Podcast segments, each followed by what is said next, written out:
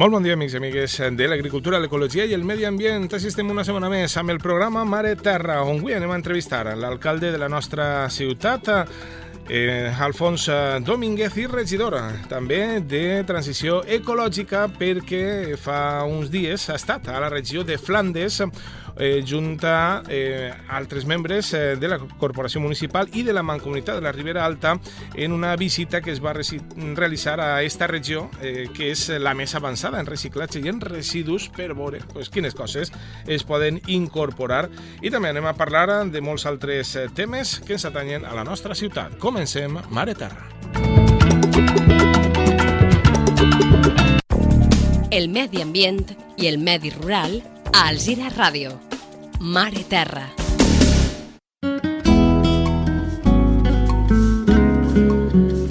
Tenim amb nosaltres a l'estudi Alfonso Rovira, d'Alzira Ràdio, a l'alcalde de la nostra ciutat, Alfons Domínguez. Alcalde, molt bon dia. Molt bon dia, David. Bé, eh, visita interessant, sens dubte. Sempre s'ha de veure qui està més avançat, no? Intentar copiar no? a qui estiga més avançat per incorporar-ho a, a la nostra terra. Els japonesos ho feien molt bé i mira on estan. Veus? bé, el cas és que la Mancomunitat de la Ribera Alta va organitzar aquesta expedició fins a la regió de Flandes eh, per a veure no? Eh, tots els avanços que allí tenen en, en matèria de reciclatge, de tractament de residus... Mm -huh, efectivament. Jo coneixia algunes eh, eh, qüestions de les que veig de allà, en Suïssa o en França les ha vist alguna volta, però allí, efectivament, com dius, és la regió més avançada, ja portem molts anys per davant i en temes de gestió de residus eh, n'hi ha molt que dependre d'ells. Uh -huh. I contents, què és el que van veure allí? Pues mira, eh, veiem que la seva planificació és eh, bastant més avançada que la nostra perquè tenen en compte eh, la, de forma individualitzada pràcticament el, el que és la replega i la, i la posterior mm, tras, eh, tractament. Tra, i tractament, efectivament, i gestió del residu que, que se produeix. No? N'hi ha diverses opcions, ahir ens ensenyaren tres, i dins d'aquestes tres nosaltres així eh, bueno, tenim facilitat d'aplicar per lo menos alguna d'elles. Uh -huh. eh, farem eh, una visita prèvia al, eh, a la zona més propera, que tenien un tractament en, individualitzat per cases pràcticament, per vivendes, perquè les vivendes són unifamiliars, adossades, de l'estil del que tenim, per exemple, així en les zones noves de la pujada cap a la Casella, no? I eh, d'aquesta manera eh, el que feien és que ells no eh, ficaven contenidors eh, col·lectius, sinó que ficaven uns contenidors individualitzats en cada casa, en cada vivenda, que tenien el seu nom i cognoms, és dir, d'alguna forma, bueno, d'alguna forma, eh, digitalment, ells eh, el que feien era controlar que cada família tenia i ese contenidor i eh, tot el que anava a parar a aquests contenidors ells el, la replegaven també eh, controlant-ho. De forma que cadascú sabia molt bé què és el que estava tirant i eh, si l'havia fet eh, que és la, la, el tractament posterior de forma adequada o no. I eh, pues, eh, vegeren que, bueno, aquesta solució va bé per a aquest tipus de zones, però ells mateixa ens comentaven que per a mm, altres eh, formes de vivendes no era tan fàcil i aquest l'avantatge que tenia era que quan tu aprofitaves l'espai que tens, perquè clar, el que poden fer en aquest tipus de vivendes és que tenen espai per a poder tindre contenidors, cosa uh -huh. que en altres eh, puestos, un edifici, per exemple, no és tan fàcil tindre tants contenidors com vivendes, no? Clar. I ahí sí, tu tenies espai i primer ja intentaven com passaven a replegar-lo cada dues setmanes, ja intentaves minimitzar al, al, al màxim possible el que és la, la producció de residus. Això era important. I de, de segon és que, clar, eh, tu tenies una separació de, total de tot el que, el que fas, amb la qual algunes coses inclús les reutilitzaves tu mateixa. No? Per exemple, la matèria orgànica n'hi vaig inclús se compostava ell mateix i no feia falta tirar tant de volum. Eh, a partir d'ahir tu eh, pagaves per eh, quilo produït tenien una forma molt clara, això era en tot, però en aquest cas era molt clar que era molt fàcil de controlar. Eh, pagaves per contenidor, per freqüència de pas i per quilos de fem produït. I això és el que va ser la nova llei que vindrà després. Ells ja ho tenen avançat, evidentment, i ja estan aplicant-lo. Nosaltres així encara estem, que, que és el que fem, no? Eh, en quilos sí que paguem, però paguem tota la comunitat, és a dir, tot el poble, paga per quilos produïts, però no individualment com se fa allí. Uh -huh. D'aquesta manera tens molt més al·licient per a que tu mm, tingues una reducció. I, eh, bueno, eh, tenien quatre o cinc tipus de contenidors, eh, passava el camió, com vam veure, el, a l'hora d'agafar el camió, el, el residu en el contenidor pesava el que estaven tirant i, ja t'he dit, cada dues setmanes se produïa aquest pas de, de replega. Sí, ni tan sols diguem com se faci en algunes poblacions de la comarca cada dos o tres dies, no? De, no. Dilluns, dijous... El porta a porta sí, que ells és un sistema paregut al porta a porta nostre. Uh -huh. Allí no, eren... N'hi ha alguns, eh, alguns eh, pobles que sí feien porta a porta en poals en matèria orgànica, però no era lo habitual. Lo habitual era contenidors, eh, cadascú en el seu, xicotets, eren microcontenidors. Uh -huh. El plàstic eh, en vasos anava a banda, el, el vidre i, i altres eh, record de metals eh, estaven en contenidors eh, a banda, no eren els individuals que tenia cadascú. Uh -huh. En els individuals estava matèria orgànica, eh, algun tipus de papers i de, i de eh, impropis, que ja eren els, el, la, la resta. La resta. Uh -huh. I la resta estaven, clar, els nivells seus són espectaculars no? comparat amb nosaltres. Nosaltres tenim una taxa de reciclatge del 35% i ells estan al voltant del 75% en, en reciclatge i reutilització. La recuperació que, Tot, que realicen. Total, exacte. Uh -huh. I en impropis la resta, no? Però aquests impropis volen abaixar-los ara del 25 al 15 i encara diuen d'apretar més. Ells en concret, en aquesta zona on estem nosaltres, estàvem parlant de eh, que ja estan pràcticament per el 85%. Buah de reciclatge i reutilització, sí, sí, és diferent. Clar, això perquè la gent ho entenga és que el que així de resta em, em, tirem al contenidor de resta, aniria a la planta de Guadassuar i el 85% se reutilitza i el 15% és el que aniria Correcte. a soles a, a, a, a l'abocador. Que nosaltres estem en una zona que encara està fent-se mm, d'algo millor que la mitja. Però perquè... Montanyana me parla del 65%, Ojalà. estaran ja per el 66. Ojalà, sí, molt bé. A mi me dia el 50, però pot ser que hagin augmentat i ahí estaríem uh -huh. en taxes més paregudes a aquella zona, no? Però sí, estem en una zona que estem fent-se un poc millor les coses, però d'entrada el que és important és que així, mm, diríem, a la porta de casa eh, la gent fa els deures.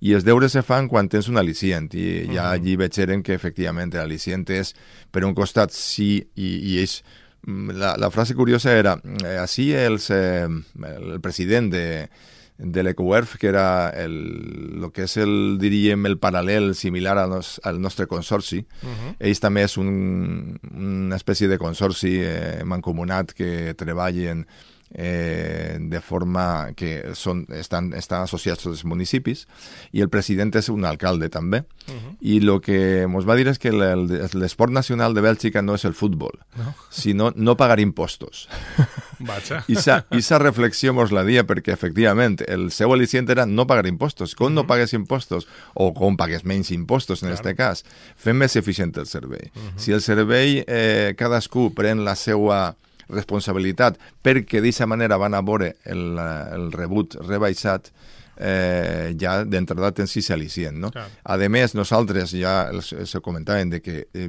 d'alguna forma no sols si rebaixarà l'impost, sinó que tingueres un al·licient de pagar-li per tindre una, una major taxa de, de reciclatge pues, estaria bé, que és el que fan els alemans, no? i seria per, per duplicat. Per un costat li baixes el cost que li repercutís directament a la butxaca de cadascun dels, eh, eh, dels ciutadans, uh -huh. perquè si tu fas bé les coses i un altre els fa mal, no tens per què pagar, si paguem entre tots, claro. tots han de pagar una mitja, però el que fa mal perquè el fa bé. És que, clar, te, te poso el meu exemple, perdó mm. que me posa jo per davant, però com sí. ho faig, mm. eh, a Cira al Cira paguem dos pagaments de 38 mm -hmm. euros. Jo en ma casa pague 34 m'estalvie 8, per tant és un poc més d'un 10% de la taxa. Però resulta que ara, per a l'any que ve, ja s'ha dit que al CIR anem a pagar 10 euros més del que estàvem pagant. Caram, Pues Sí, sí. Jo estic intentant fer superbé, Correcte. Mhm. que hasta els sobres li lleve la finestreta i això va per una Exacte, banda i el paper bé, va per una altra, dius, te toca les castanyes que digues, jo Els- vull tindre, Els en- pagar menys, Els què envasos, m'ocurre? els envasos d'estos que eren a mitges, no? que són a mitges, eh, que tenen per cartró, per plàstic, per a que se veja un poquet, lo de dins i tal, són més complicats. Sí, o, sí, sí. O, per exemple, els Però el brics, que no? està clar, dius, pam, pam, ho Clar, passes cada clar, cosa ho, al seu ho intentes lloc. fer Clar. i si tu que ho intentes fer i facis esforç perquè no van a repercutir-te en la teua factura, no? I ells ho tenen clar. Mm, El eh, sistema seu era jo eh, a l'usuari li cobre prèviament. O sigui, jo tinc un compte associat a cadascú dels usuaris. Posteriorment te dono un contenidor per el que te cobre ja X euros una freqüència de pas pot ser que baixes de dues setmanes a tres dies, però entonces vas a pagar més, perquè me costes més Ja. com a servei. I per tercer, els quilos que tu estàs produint, que després tindrà un, un retorn o no. Si és matèria orgànica o és plàstic o és paper, tindrà un retorn. Si és impropi, no tindrà retorn. Tinc que fer un extra després, que allí estan cremant-lo, però que ja té pues, un, un cost de portar-lo al puesto, cremar-lo, produir dioxines, tindràs que ficar uns filtres, etc etc. És dir, tot això ho tenen clar i ells el que fan és que això ho en la factura teua. Però si jo faig menys quilos i, i faig aquest esforç, evidentment, el del costat que fa més quilos té que pagar més Clar. i jo pague menys, no? Si això li associes el que, com en Alemanya, té un sistema que eh, per cada llandeta o cada botelleta de plàstic te paguen, pues encara millor. Uh -huh. Perquè tu, jo inclús produís quasi que una, un equip, una, una eh, miriada de gent replegant coses, lo- tot el que trobes Sí, al carrer, me- m'ho contaren que en Alemanya la gent deixa les coses tot. al costat de la paperera, però perquè hi haurà algú que ho agafarà i ho tirarà. correcte. No, no veuríem així com en els jardins n'hi ha plàstics i, i hi ha, hi ha unes d'estes que deixen els dels botellons. No, Sí, sí, sí, això sí. allí no passaria perquè d'ahí te, te donen diners, no? Bueno, pues això, són, són coses curioses i, i bueno, l'altre sistema, o sigui, nosaltres veiem aquest sistema que és el, diríem, el porta a porta nostre, però en contenidors, que això per espais que tenen jardí o tenen garats, pues està molt bé, però per a la gent que no vulgui tindre això, pues, eh, eh, tenien eh, eh, propostes comunals, no? A alguns espais que eren d'urbanitzacions que estan totes compactes i que no era tan fàcil tindre uno a uno, o que la- l'Ajuntament mateix, el municipi, havia optat per l'opció comunal, que era en contenidors com els que tenim així, però soterrats, perquè ells veien que estan soterrant-los inclús en la normativa urbanística, igual que així tenim ja que allí també, obligat el que se fiquen plaques solars per a reduir l'ús d'energia, ja no la factura, l'ús en si d'energia, perquè d'aquesta manera pues, tindràs menys, pues, també obliguen a eh, tindre eh, espai per als contenidors i espai soterrat. Per què? Perquè per dalt tenen la eh, mala costum de deixar coses al voltant. No és tan fàcil quan el tens soterrat. Uh -huh. La gent pareix que d'aquesta manera se conté un poc més i eh, Ho deixen perquè també hi ha molta cultura de la reutilització, no? de que altra gent agafa les coses... Bueno, i... ells no ho veien així, a lo millor en Alemanya, així no ho veien tant. I, i estèticament queda molt lleig, Sí, per clar, fora. Uh -huh. Bueno, ahí la qüestió és que, eh, inclús des de dalt, que alguns queden, tenien un sistema també d'automatització o digitalització del, de la replega. És dir, jo no vaig a tirar-lo a qualsevol puesto. Jo tinc que tindre una targeta o una forma de mm, control en el que a mi me dice tirarlo. I jo tinc el meu, el meu contenidor de la meva finca o del meu o del meu o la meva urbanització, no? la meva poma d'urbanització. I aquests contenidors, que és el mateix, estaven el de paper, el de plàstic, el de... En fi, el mateix que tenim així, en diferents colors, que això me, me, me tornava un poc loco, els que anaven per ahí de la mancomunitat diuen, mira, el groc és el del paper i el blau és el del Sí, que plàstic. allí canvien els Està colors. canviat el color. això per nosaltres al principi era un lío. Clar. Eh, però bueno, el, el, el que tenien soterrat eh, tenies que primer obrir-lo en un mecanisme digital i posteriorment te pesava automàticament també el que tiraves, con lo qual la borsa també tenia un codi de barres o alguna, d'alguna forma el tenia controlat de manera que sabia cadascú el que tirava. I inclús si tiraves algo que no tocava, pues també després te podrien, te podrien dir, no? I és un altre sistema que servís un poc més per als nostres carrers, ahí podrien nosaltres a, a poder aplicar, no? I n'hi havia inclús un tercer sistema que eh, aplicaven en zones que ja estaven molt densament poblades, sobretot quan tenien edificis molt grans, Uh -huh. eh, que, de moltes plantes, que no era fàcil que pogueren ni siquiera ficar contenidors perquè tenien massa vivendes properes i no tenien tampoc espai per a tindre contenidors eh, individualitzats. I eren eh, el mecanisme de borses. I es pagaven més, perquè aquest mecanisme de borses eh, feia que eh, tot fora impropi, pràcticament. O sigui, el que no tirava jo a contenidors que estaven pels carrers en determinats espais per a reciclar, que això no te cobraven, uh -huh. i tu tiraves, com després li traus un profit no van a cobrar-te, tot el que era matèria orgànica o impropis, ho tiraves en una bolsa que tu prèviament pagaves, o sigui, la bolsa no era una bolsa qualsevol com fem així, inclús de Mercadona, no, no. Uh -huh. Són bolses que si no, no pots tirar, Eh, de més, si tu tires algo que no toca, ahí te fiquen una etiqueta i te dicen la bolsa i en ta casa, te diuen, uh -huh. quan la faces bé ja la replegarem, i el, el, la bolsa te costa pues, 3 euros, mos digueren, per bolsa. No. Sí.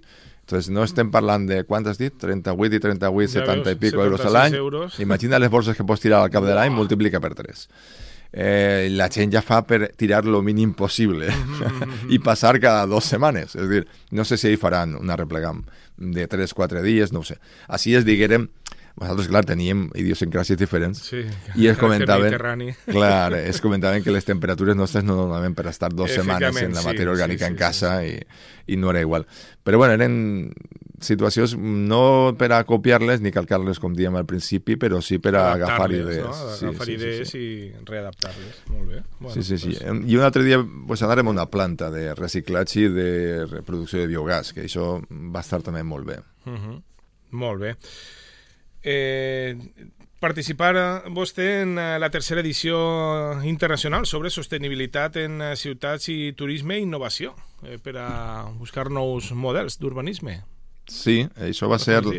Sí, la setmana passada, sí. Uh -huh. eh, partici hem participat en dos, en dos foros, i un i l'altre el del Demo Day, este de Smart Cities, que, que també va ser algo similar.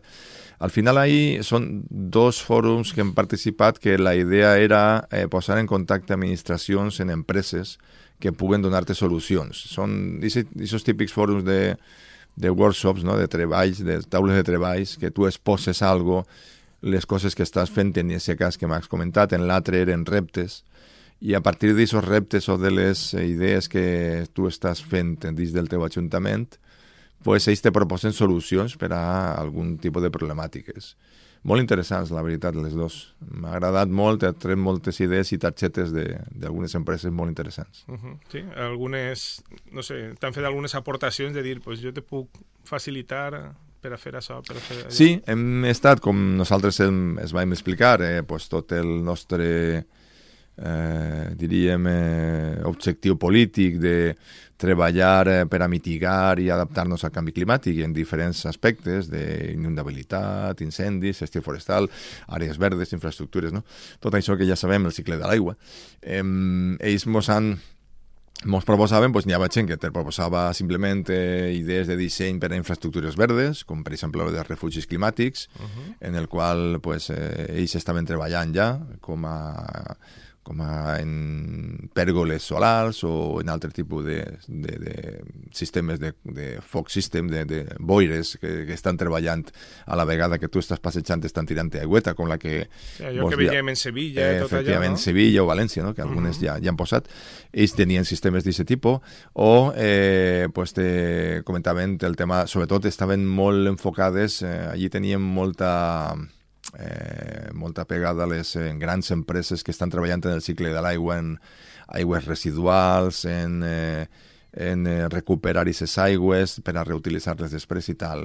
Eh, en empreses tan potents com Hidracua o Aigües de València que estaven per allí i estaven pues, un poc oferint les seues solucions tecnològiques tant a nivell de monitorització i digitalització de les xarxes, que en aquest moment nosaltres estem també així plantejant, com en el que seria el posterior reciclatge i, i diríem, i ús d'aquesta aigua. No? Uh -huh. Per exemple, el, el, la visita que farem allà en Flandes també a la seva planta de reciclatge, eh, el que feien en la matèria orgànica era produir biogàs pues alguna d'estes, que, que, que era molt, molt bona solució en quant a que aquest biogàs després s'utilitzava com a energia per a la pròpia planta i el que sobrava ja s'injectava en, la, en la xarxa de gas o se venia, no? Uh -huh estava molt bé, i damunt tenies després un subproducte orgànic que fes compost, un, compost de molt bona qualitat que ens ensenyaren eh, per a després poder utilitzar-lo en jardineria o en agricultura.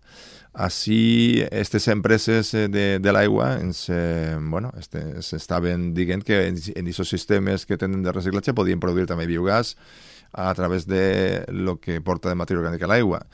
I l'altre dia tinguérem una reunió en la Universitat de València, en un departament que ens ha ficat en contacte també a través d'un projecte europeu, una, un projecte que, que posa en contacte a administracions eh, científics uh -huh. i este científic ens proposava que podíem fer inclús un projecte que tinguera a veure pues, la, la canalització, com fan als Estats Units, a través de l'aigua dels residus orgànics per a produir biogàs en una planta de tractament. No? Això ja estàvem planificant-ho i ja estàvem fent-ho algunes empreses. Uh -huh. Hi ha solucions per a tot, sí, sí, sí. sí, sí, sí, sí. Molt interessant, molt interessant, sí. El tema de les pèrgoles que ha eixit, perquè jo me desesperava molt estos anys les pèrgoles que, que tenim així en la placeta i dius, però com no posen enredaderes que ho cobrisquen ja tot de manera natural. Ha tardat moltíssim a que mm. allò agafi un poc de, de cos, o, o en la plaça Generalitat o allà en Elisa Ramírez també veig que n'hi ha com un espai com sí, preparat, però, que... però no li posen l'enredadera. I a més, parlant així amb Paula, la, la nostra especialista en, en uh, viverisme, que, que col·labora cada setmana amb nosaltres, ens deia, sí, n'hi ha enredaderes que creixen molt ràpid i que això ho tindria estupit fàcilment. I, mm. no sé. Sí, sí, Estrany. a més, Bueno, n'hi ha que tindre cuidado també, eh, n'hi ha que tenir compte en algunes de les espècies que no ens passe el que està passant ara en l'araugia, que és una, el fas miragua que està per ahí per els camps, no?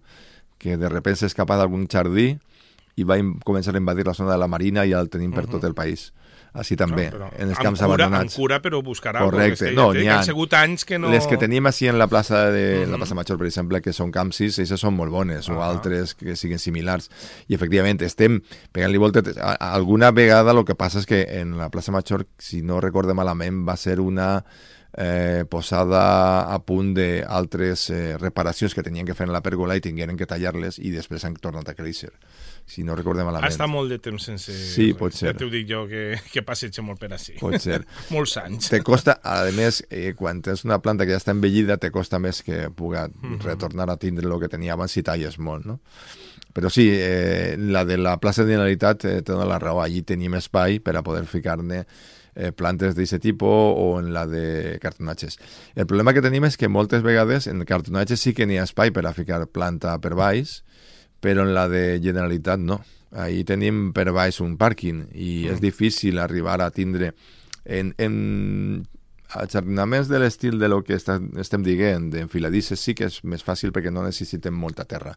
I igual una jardinera gran com la que tenim al costat podria servir, però necessitaríem diverses jardineres per a poder omplir per exemple, la pèrgola que ja està ficada de fusta. Uh -huh. I això seria una possibilitat, eh, perquè per baix no tens terra. Claro. Mm, altra possibilitat seria el que jo els dia a aquestes empreses que me digueren a veure quines solucions podien tindre, que seria aprofitar eh, pues, la pèrgola per a ficar eh, algun tipus de eh, placa solar o algo paregut per a produir energia o per a simplement tindre ombra, no? Uh -huh. Home, el que passa és que d'aquesta manera fas dues coses, no?, a la vegada.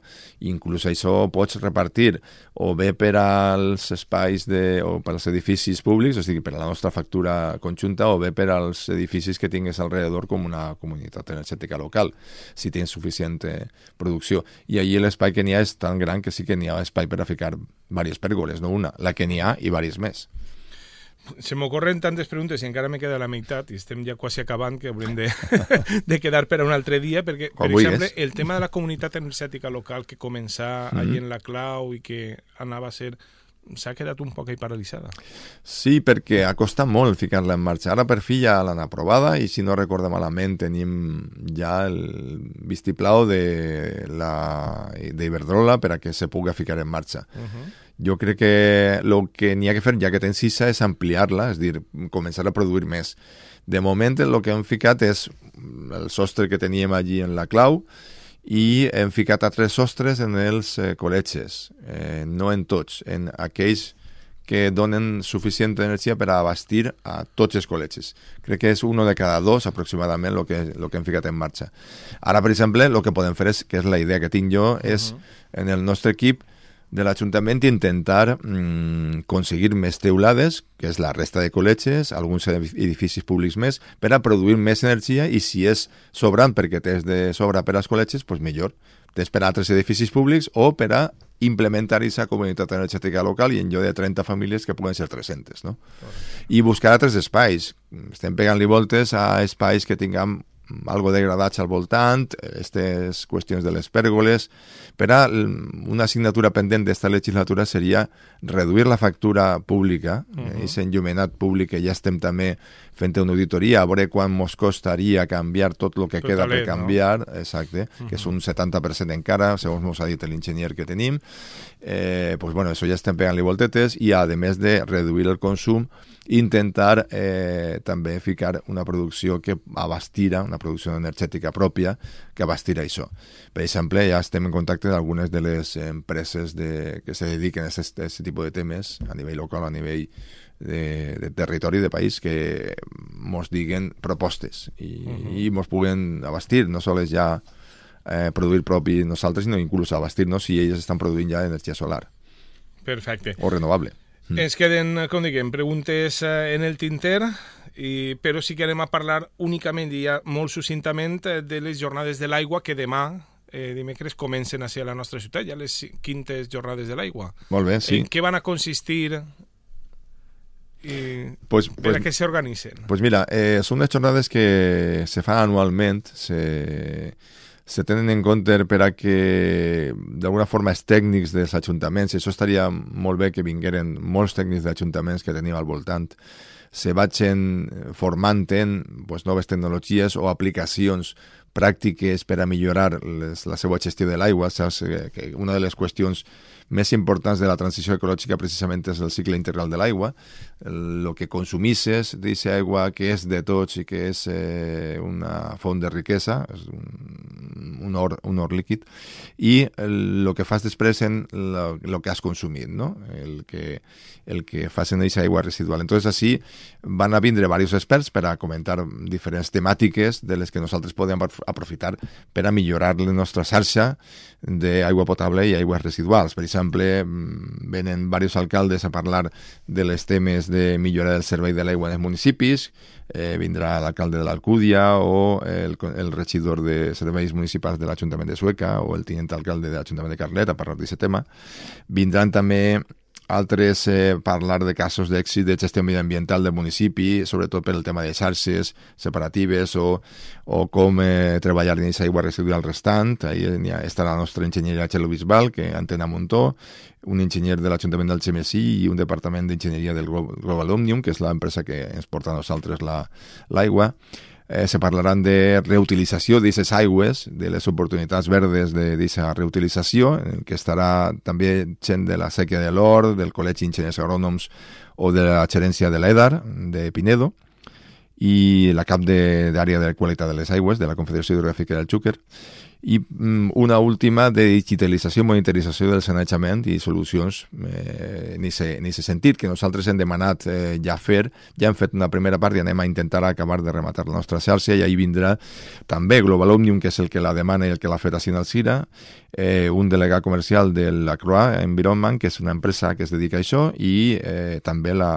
la mateixa cap de qualitat de l'aigua de la Confederació Hidrogràfica i per últim treballar els eh, PERTES, que sabeu que són uns, eh, uns grans eh, fons que tenim per a treballar aquest tipus de qüestions a nivell d'aigües.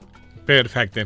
Molt bé, alcalde, Molt bé. quedem emplaçats per a una pròxima entrevista per a seguir parlant de les diferents eh, activitats, com aquest canal interceptor que esperem que el, el pròxim mes de desembre pues, que ja puga estar connectat i, i finalitzat en aquesta part. L'anell verd també, i milió i mig eh, que n'hi ha pendent eh, per a l'àrea recreativa del, del Xúquer, les vivendes bioclimàtiques, eh, i l'accés al malecó, que també ja per fi s'està construint. Mm -hmm. bueno, moltes coses, com dèiem... El pont que... de Sàtiva, no? També. També, correcte. sí, sí. O sigui que perfecte per a una pròxima entrevista que quedem emplaçats. Moltes gràcies. Moltes gràcies a tu, David, i una abraçada a tots els oients. Així finalitzem el programa d'avui. Tornem el pròxim dimarts a més Agricultura, Ecologia i Medi Ambient, així, a la sintonia del Cira Ràdio. Adeu.